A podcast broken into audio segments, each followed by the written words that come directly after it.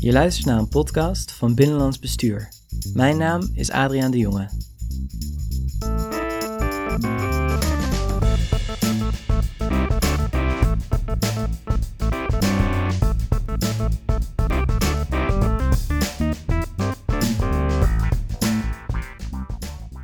Na maanden van lockdowns, mondkapjes en contactbeperkingen gaat de samenleving langzaam steeds verder open.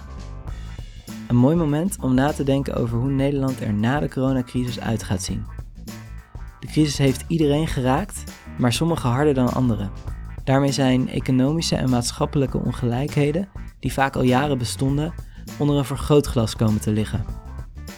In deze podcastserie ga ik, Adriaan de Jonge, redacteur bij vakblad Binnenlands Bestuur, op zoek naar de oorzaken achter die groeiende kloof in de samenleving. En ik kijk ook naar de toekomst. Wat kunnen de verliezers van de crisis verwachten van de herstart van de samenleving? Kan het herstel van de economie de kloof weer dichten? In deze aflevering hebben we het over de dakloze crisis in Nederland. Want een crisis kun je het wel noemen. In tien jaar tijd is het aantal dak- en thuislozen in Nederland verdubbeld.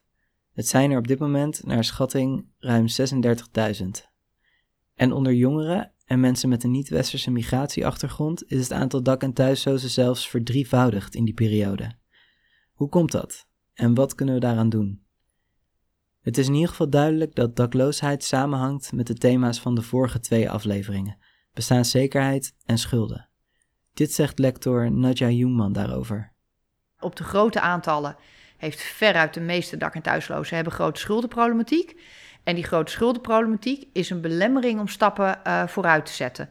In deze aflevering hoor je ook over een radicaal idee om dakloosheid onder jongeren te voorkomen. Uh, jongeren, thuisloze jongeren in een kwetsbare positie, die daar alleen voor staan, die uh, krijgen een jaar lang 1050 per maand. Um, en dat is als het ware leergeld. Dus we geven ze en financiële rust. Uh, en tegelijkertijd uh, kunnen ze leren om uh, ja, eerst de volgende stappen te zetten op weg naar die eigen zelfstandige toekomst. Ik praat daarover met de 20-jarige Maaike, die meedeed aan een experiment met dat leergeld. Doordat ik zoveel dingen heb kunnen verwerken, ben ik ook gewoon veel meer mezelf geworden, zeg maar. Maar eerst praat ik met Erik Dannenberg. Ben Erik Dannenberg, nu voorzitter van Divosa uh, in het vijfde jaar. Dat doe ik met heel veel plezier. Divosa is de vereniging van gemeentelijke directeuren die voor het sociaal domein verantwoordelijk zijn. En in een nevenfunctie ben ik uh, lid van de Raad voor Volksgezondheid en Samenleving. Is een adviesorgaan voor regering en parlement. Dannenberg schreef mee aan een advies aan de overheid over het verminderen en voorkomen van dakloosheid. Het blijkt dat dakloosheid vaak in de context van bestaansonzekerheid en gezondheidsproblemen voorkomt. Mensen komen terecht in een spiraal van sociale uitsluiting, waarbij ingewikkelde regels en procedures het probleem vaak onbedoeld in stand houden of verergeren. Ik uh, mocht voorzitter zijn van een commissie bij de Raad voor Volksgezondheid en Samenleving, die hier een uh, advies over heeft laten verschijnen. Herstel begint met een huis, uh, want dakloosheid moet je nooit vergeten, zegt ook iets over de woningmarkt. Met ongeveer 300.000 woningen die we in Nederland tekort komen, is het natuurlijk ook gewoon echt een huisvestingsvraag en niet alleen een zorgvraag. Uh, maar daar zit ook een aantal analyses in, hoe het nu komt dat zoveel mensen dakloos zijn geraakt. En als je er goed naar kijkt, dan zie je daar ook een aantal patronen in. Uh, een kenmerkend voorbeeld is hoe bijvoorbeeld een ondernemer die in een echtscheidingssituatie is beland, uh, in zijn bedrijfspand gaat slapen. En dan van de overheid te horen krijgt, we hebben bestemmingsplannen, u mag niet slapen in een bedrijfspand. Nou, dan ga je in een caravan wonen. Vervolgens probeer je je rijbewijs te verlengen en krijg je van de gemeente te horen: ja, maar een caravan is geen adres. Hè? De, dus, uh, nou, voor je het weet kom je zo van de ene in de andere ellende. En ik snap al die handhavingskwesties wel, die zijn er ook niet voor niks. Maar kenmerkend is dat we op die manier mensen eigenlijk langzamerhand door het bureaucratisch stelsel naar de rand van de samenleving duwen. En zo zie je dus eigenlijk dat um, uh, zodra je in de penarie komt, in de, in de rafelranden van de samenleving, dat die samenleving je steeds verder naar buiten begint te duwen. En daarvan hebben we gezegd, eigenlijk moet je ook een soort recht op wonen hebben. Het staat notabene in onze grondwet. Het recht op huisvesting. Uh, dus dat je um, naast al die begrijpelijke handhavingsprocessen ook zegt, maar je bent ook een gewaardeerd lid van onze samenleving en we gaan zorgen dat je weer een herstart kunt maken. En dat recht op wonen, is dat dan de afgelopen tien jaar verder onder druk komen te staan? Uh, ja, want je zou kunnen zeggen, de grondwet biedt alle Nederlanders een aantal rechten. Het recht op onderwijs hebben we in dit land ontzettend goed geoperationaliseerd. In elke wijk staan basisscholen. Hè, je moet er zelfs naartoe en komen je zelfs halen als je niet komt. Uh, het recht op zorg hebben we heel goed geoperationaliseerd.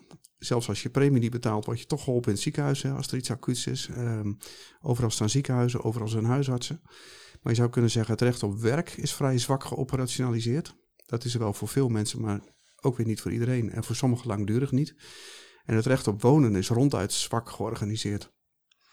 En de jongeren en de mensen met een niet-westerse migratieachtergrond, die zijn dus nog harder achteruit gegaan, blijkt uit de cijfers. Uh, is dat te verklaren? Ja, bij jongeren speelt iets met de kostendelersnorm. Die is natuurlijk een aantal jaren geleden geïntroduceerd. Waardoor uh, nou, als een kind uh, een bepaalde leeftijd bereikt, de ouders in inkomen erop achteruit gaan. En als het kind geen inkomen binnenbrengt en er zijn veel problemen thuis, hè, dat speelt dan ook vaak. Dan krijgen uh, kinderen veel sneller van hun ouders te horen van daar is het gat van de deur. Want mijn inkomen gaat achteruit en je brengt, brengt niks binnen. Hè? Met, met je gehangen en je geblo, als dat speelt dan thuis. En je ziet dus daardoor een, een veel grotere stijging van een uithuiszetting van jongeren die vervolgens zich in de samenleving niet kunnen handhaven, omdat wij normen hebben voor hun inkomen die lager liggen dan wat je nodig hebt voor een kamer of voor een huis. Dus ja, dan, dan is de weg van uh, uh, niet, niet, altijd, niet al te gezellig thuis vertrekken tot uh, letterlijk onder de brug belanden, is dan vrij kort hoor. Dat kan heel snel gaan dan. En dan die groep met een niet-westerse migratieachtergrond. Ja, ik kan me voorstellen dat dat voor een deel gewoon door demografische veranderingen komt, want uh, jonge mensen die zijn vaker, die hebben vaker een migratieachtergrond. Maar misschien speelt er ook nog iets anders? Um, nou ja, in ieder geval, je moet het Nederlandse stelsel kunnen begrijpen. En uh, dat geldt ook al voor jongeren. Van, van die, die hebben soms nauwelijks door dat je uh, je zorgpremie moet gaan betalen als je 18 bent. Maar uh, juist voor mensen die ons Nederlandse stelsel niet goed kennen en de loketten niet weten te vinden en de regelingen niet snappen, Um, loop je dus ook meer kans op allerlei risico's dat je door je inkomen niet rondkomt. Want je moet tig uh, uh, toeslagen en aanvullingen en kwijtscheldingen uh, geregeld hebben om rond te komen. we hebben dat met Divosa samen met een bureau laten turven. Wij kwamen tot 27 inkomensondersteunende maatregelen die ons land telt. 27. En niet iedereen heeft ze alle 27 nodig, maar wel een heleboel ervan om überhaupt rond te kunnen komen. En het zit ook ingewikkeld in elkaar. Hè? Voor, de, uh, voor de bijstand mag je een beetje spaargeld hebben voor het geval dat je koelkast een keer stuk gaat. Zodra je dat spaargeld hebt, zeggen ze bij het waterschap, u heeft nog spaargeld, dus u komt niet in aanmerking voor kwijtschelding van de waterschapslasten. Dus er zit ook nog eens heel veel tegenstrijdigheden in die regelingen. En dan moet je bedenken dat met alle wetgeving die we hebben, uh, we acht verschillende definities hebben van wat is een partner, wat is een inkomen, wat is een vermogen. Hm. Een partner is voor de Belastingdienst een heel ander iemand dan voor de participatiewet. Je? En, nou, dat, je kunt niet van mensen die dit land niet zo goed begrijpen uh, vragen dat ze dat snappen. Overigens geldt dat ook voor iedereen met een IQ 70, zeg ik wel eens. Uh, is ondoorgrondelijk. Dus hoe uh, problematischer de situatie van mensen is, of hoe kwetsbaarder ze in het leven staan, hoe ingewikkelder we voor, voor ze hebben gemaakt. En dat leidt dus ook tot heel veel sociale chaos en financiële ellende. Dat zit in het systeem ingebakken.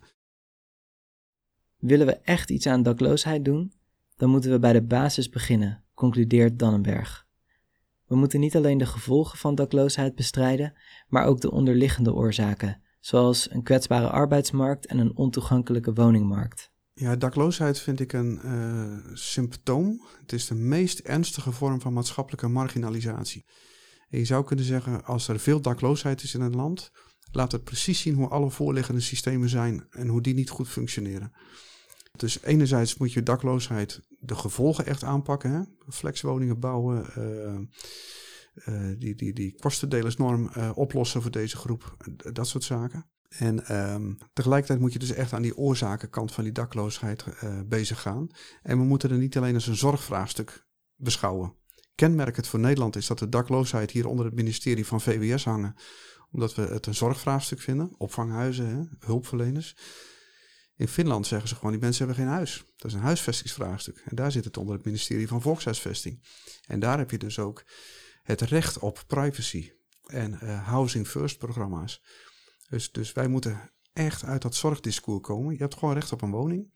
Dat gaan we regelen voor je. En als je aanvullend zorg nodig hebt, omdat je een laag IQ hebt, of verslaafd bent, of eh, in de war bent, of weet ik veel wat, een zwakke gezondheid, dan organiseren we dat eromheen. Maar het begint met het feit dat iedereen in Nederland een voordeelsleutel heeft. We moeten dus beginnen bij het regelen van een huis. De rest komt later. Stichting Zwerfjongeren Nederland heeft een serie experimenten opgezet waarin dat idee in de praktijk wordt gebracht. Twee groepen van vijf jongeren tussen de 18 en 21 jaar in een kwetsbare positie kregen een jaar lang 1050 euro per maand. Net zoveel als een bijstandsuitkering voor mensen vanaf 21 jaar, maar zonder de gebruikelijke voorwaarden. Marleen van der Kolk, programmamanager bij Stichting Zwerfjongeren Nederland, legt uit hoe dat werkt. Uh, jongeren, thuisloze jongeren in een kwetsbare positie, die daar alleen voor staan, die uh, krijgen een jaar lang 1050 per maand. Um, en dat is als het ware leergeld. Dus we geven ze en financiële rust. Uh, en tegelijkertijd kunnen ze leren om ja, eerst de volgende stappen te zetten op weg naar die eigen zelfstandige toekomst. Want we zien gewoon dat veel van deze jongeren hebben een verleden in de jeugdzorg. Um, die hebben eigenlijk nooit geleerd om zelfstandig hun keuzes te kunnen maken, om fouten te maken en om daarvan te leren. Um, en tegelijkertijd op hun achttiende leeftijd tot 20 jaar uh, zegt de wet dat ouders financieel moeten bijspringen. Uh, dat is de reden dat de jongerennorm 255 euro is. Nou, dat weten we allemaal. In, in de bijstand. In de bijstand, ja. En daarvan weten we allemaal dat dat onvoldoende is om van te leven en je vaste lasten te kunnen betalen. Dus deze groep jongeren, uh, zeker uh, 18, 19, 20 jaar, daarvan weten we, die jagen we eigenlijk de schulden in. Het leergeld dat de jongeren ontvangen wordt ook wel een bouwdepot genoemd. Uh, het bouwdepot gaat eigenlijk uh, over uh, bouwen aan het fundament van je leven. dus het is een soort investering in de jongeren zelf, waarvan we als gemeente of als samenleving zeggen van we willen voorkomen dat je straks nog verder in de problemen komt dan in de schulden. Uit de eerste experimenten blijkt al dat de meeste jongeren dankzij het bouwdepot hun schulden onder controle krijgen, een zelfstandige woning vinden en vervolgens stappen zetten richting werk of een opleiding. Ja, we hebben nu inmiddels uh, twee groepen van vijf jongeren uh, met een bouwdepot uh, gehad. wat we daarin zien is dat allereerst um, het bouwdepot vanuit vertrouwen en onvoorwaardelijkheid geeft de jongeren zelf een enorme boost. dus ja, de jongeren geven eigenlijk aan dat ze het eerst een grap, dat ze dachten dat het een grap was. Uh, van goh, uh, kan ik vanuit vertrouwen zelf bepalen wat voor mij goed is en zelf de volgende stappen zetten. Dus die vertrouwen en dat zelfbeeld, dat is enorm gegroeid. Um, en verder zien we dat uh, ja, met het bouwdepot kan je natuurlijk voorkomen dat er schulden worden gemaakt, want de jongeren kunnen rondkomen.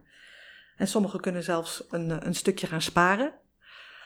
Um, en de zorgkosten, ja, daarvoor moeten we natuurlijk nog wel meer onderzoek doen. Uh, die zijn natuurlijk minder, omdat uh, er ontzettend veel rust komt in hun hoofd. Uh, ze gaan veel minder met problemen bezig, maar meer van: goh, wat wil ik, wat kan ik en welke opleiding of werk wil ik hierna gaan doen. Op het moment dat je vertrouwt dat ze met een bouwplan, want ze gaan het niet zomaar doen, ze maken zelf een bouwplan wat ze in dit jaar willen gaan doen en waar ze zelf volgende stappen in willen zetten. En dan blijkt eigenlijk dat daar niet veel verschil in zit. Alle jongeren willen naar school, willen hun diploma halen. Ze willen allemaal economische zelfstandigheid. Um, alleen, je moet je voorstellen dat deze jongeren uh, ja, in een soort overleefstand heel lang hebben gezeten. Dus dat is een soort burn-out. Daarvan moeten ze wel eerst herstellen. Dus eerst even bijkomen, geen stress. En hoe komen deze jongeren nou van een overleefstand naar leven en van daaruit weer vooruit naar de toekomst. En dat biedt de participatiewet op dit moment niet. Dus de participatiewet zegt natuurlijk: oké, de bijstand is een tijdelijk vangnet. Uh, maar in principe moet je naar school of naar werk. En wat wij zien als Stichting Zwerfjongeren Nederland, is dat er voor een groep jongeren die dat niet geleerd heeft en dat vertrouwen nooit gehad heeft, dat daar nog iets tussen zit. Dus een tussenjaar, een bouwdepotjaar, om vervolgens duurzame stappen naar de toekomst te kunnen zetten.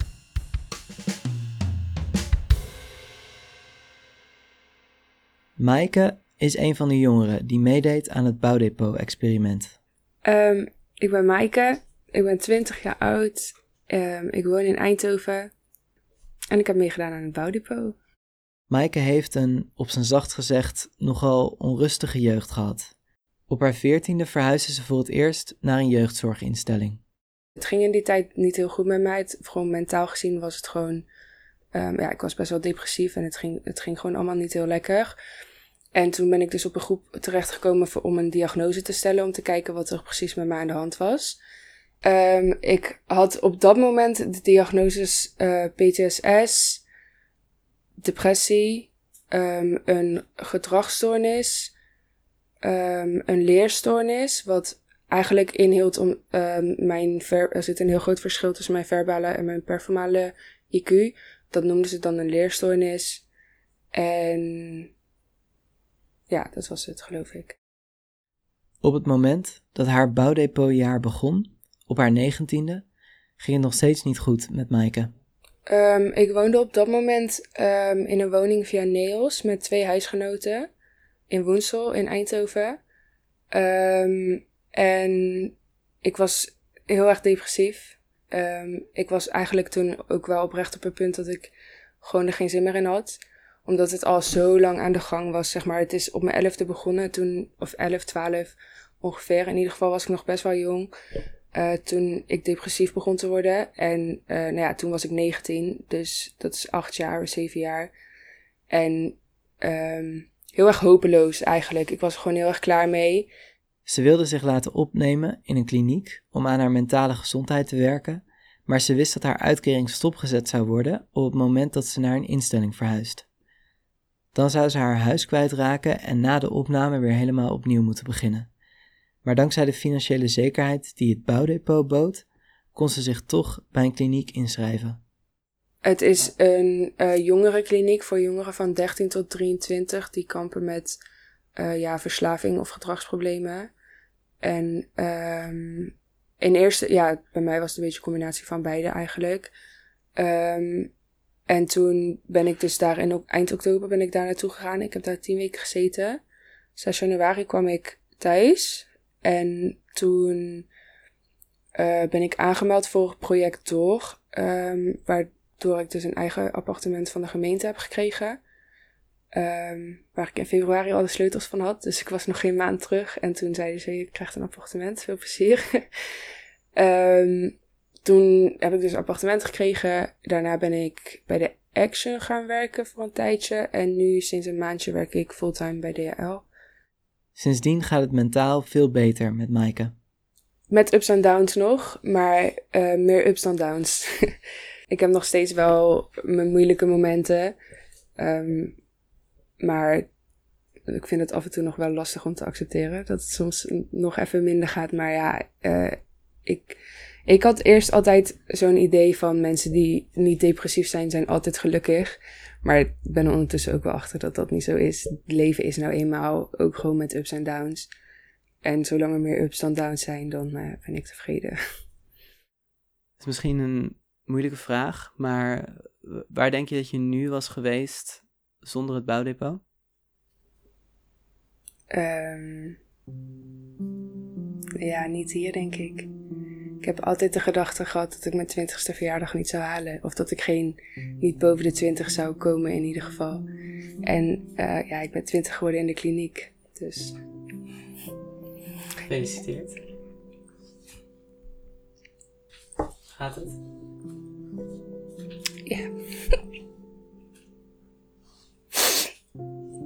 ik vind het af en toe gewoon ehm, nog moeilijk om daarover na te denken en daarover te praten. Omdat. ehm, eigenlijk was ik nog maar een heel klein meisje. En dat ik dan. Dat ik dat soort gedachten had, zeg maar. Dat. Ja, dat doet me gewoon pijn. Maar vooral ook omdat ik het me nu gewoon niet meer voor kan stellen, zeg maar. Dat ik zo diep, zo diep zat, zeg maar. Dat is gewoon, ja, weer even een realisatiemomentje. Maar het gaat wel. Heeft het afgelopen jaar ook geholpen om, eh, om dit te verwerken? Ja, zeker. Ja, in de kliniek heb ik echt heel veel dingen kunnen verwerken. Ehm, ik zat ook gewoon nog met heel veel verdriet, ook richting mijn ouders door de vechtscheiding die ze hebben gehad. En um, in de kliniek hebben wij een hele mooie ja, verbindingsdag genoemd. Dus dat gehad waar ik alles tegen mijn ouders heb kunnen zeggen um, waar ik mee zat en andersom ook. En dat heeft er wel echt voor gezorgd dat ik ook met hun een veel betere band heb kunnen krijgen. En um, doordat ik zoveel dingen heb kunnen verwerken, ben ik ook gewoon veel meer mezelf geworden, zeg maar. En hoef ik niet meer altijd mezelf aan te passen of een masker te dragen. En mensen mogen ook gewoon mij zien en ook gewoon de emotionele kant die ik natuurlijk ook heb. En ik hoef niet altijd meer dat stoere meisje van vroeger te zijn. Voor Maaike geldt dus ook dat haar onzekere financiële positie een oplossing voor haar problemen in de weg stond. Bestaansonzekerheid was niet de grootste oorzaak van de ellende, maar het hield de kwetsbare situatie wel in stand. Een stabiel inkomen bleek het breekijzer te zijn dat nodig was om een doorbraak te forceren. En inmiddels kan Maaike ook weer dromen over de toekomst. Ik wil heel graag nog terug naar school. Uh, volgend jaar het liefst. Ik wil heel graag HBO gaan doen. En verder uh, gelukkig, vooral hopelijk. Verder maakt het me niet zo uit. Zolang ik gelukkig ben en goed in mijn vel zit en mijn familie om me heen heb, dan gaat het goed.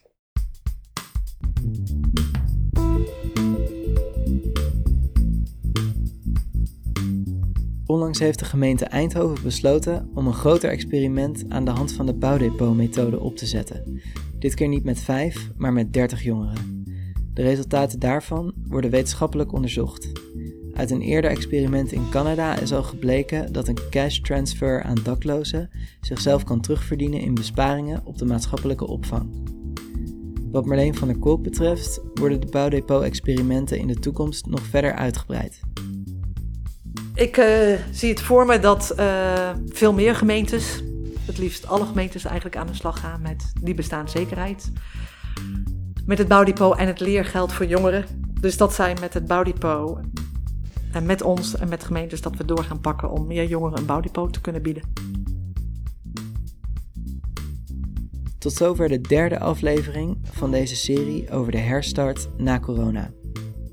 In de volgende aflevering praat ik verder met Erik Dannenberg, die je aan het begin van deze aflevering hoorde. We hebben het dan onder andere over gezondheidsachterstanden. Eigenlijk zou je moeten zeggen met elkaar: je wilt toch niet dat in een modern, welvarend land er zulke grote gezondheidsverschillen ontstaan en dat we dat al zoveel jaren zo hebben? Dat was het voor nu. Tot volgende week.